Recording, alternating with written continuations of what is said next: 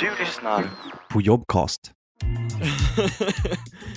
Jag heter Khaled och jobbar som säljare på Circle K. Våra huvudsakliga uppgifter är oftast eh, hantera kassa. Jag står där och eh, tar emot kunder, hjälper kunder ja, i butiken med vad de behöver. Och sen eh, gör vi ganska mycket med biluthyrning bland annat. Och utöver dem då så måste vi också eh, se till att allting ser fräscht ut i butiken, alltså eh, städuppgifter.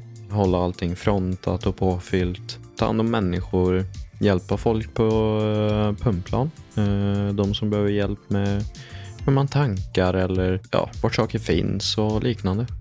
Eh, jag jobbar på eh, Cirkel K Råsunda i Solna. Vi är ungefär 12 tror jag, kanske lite mindre. De flesta är eh, fastanställda. De jobbar på stationen på heltid i princip. Vi har ju några som jobbar lite helger, eh, bland annat jag då som jag bara kör helg. Nej, men vi har det jättetrevligt på jobbet för vi, vi som sagt, vi har byggt någon sorts familjär känsla liksom. Att vi, eh, vi kan prata om annat utanför jobbet och eh, våra liv och vad vi gör och saker som har hänt senaste tiden och liknande.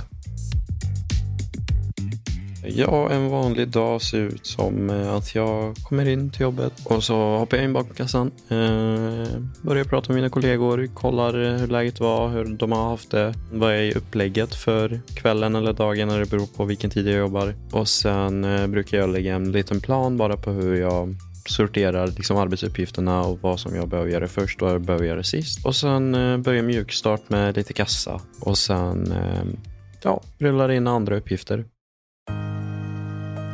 Jag skulle säga att det kräver inte så mycket i erfarenhet för att kunna jobba på Circle K. Det som kräver mest är att man som person då behöver vara ganska öppen, ganska social, kunna vara problemlösare och kunna ha flera bollar i luften helt enkelt bara för att det är så mycket man gör samtidigt så att man behöver kunna tänka på flera saker samtidigt utan att eh, bli överstressad eller att man missar saker för det kan vara irriterande för sig själv och andra kollegor om man inte håller takten som alla andra har. Liksom. Vi har jättemånga stammiskunder som kommer in och står där en halvtimme eller mer ibland. En gång har jag haft rekord på fyra timmar faktiskt.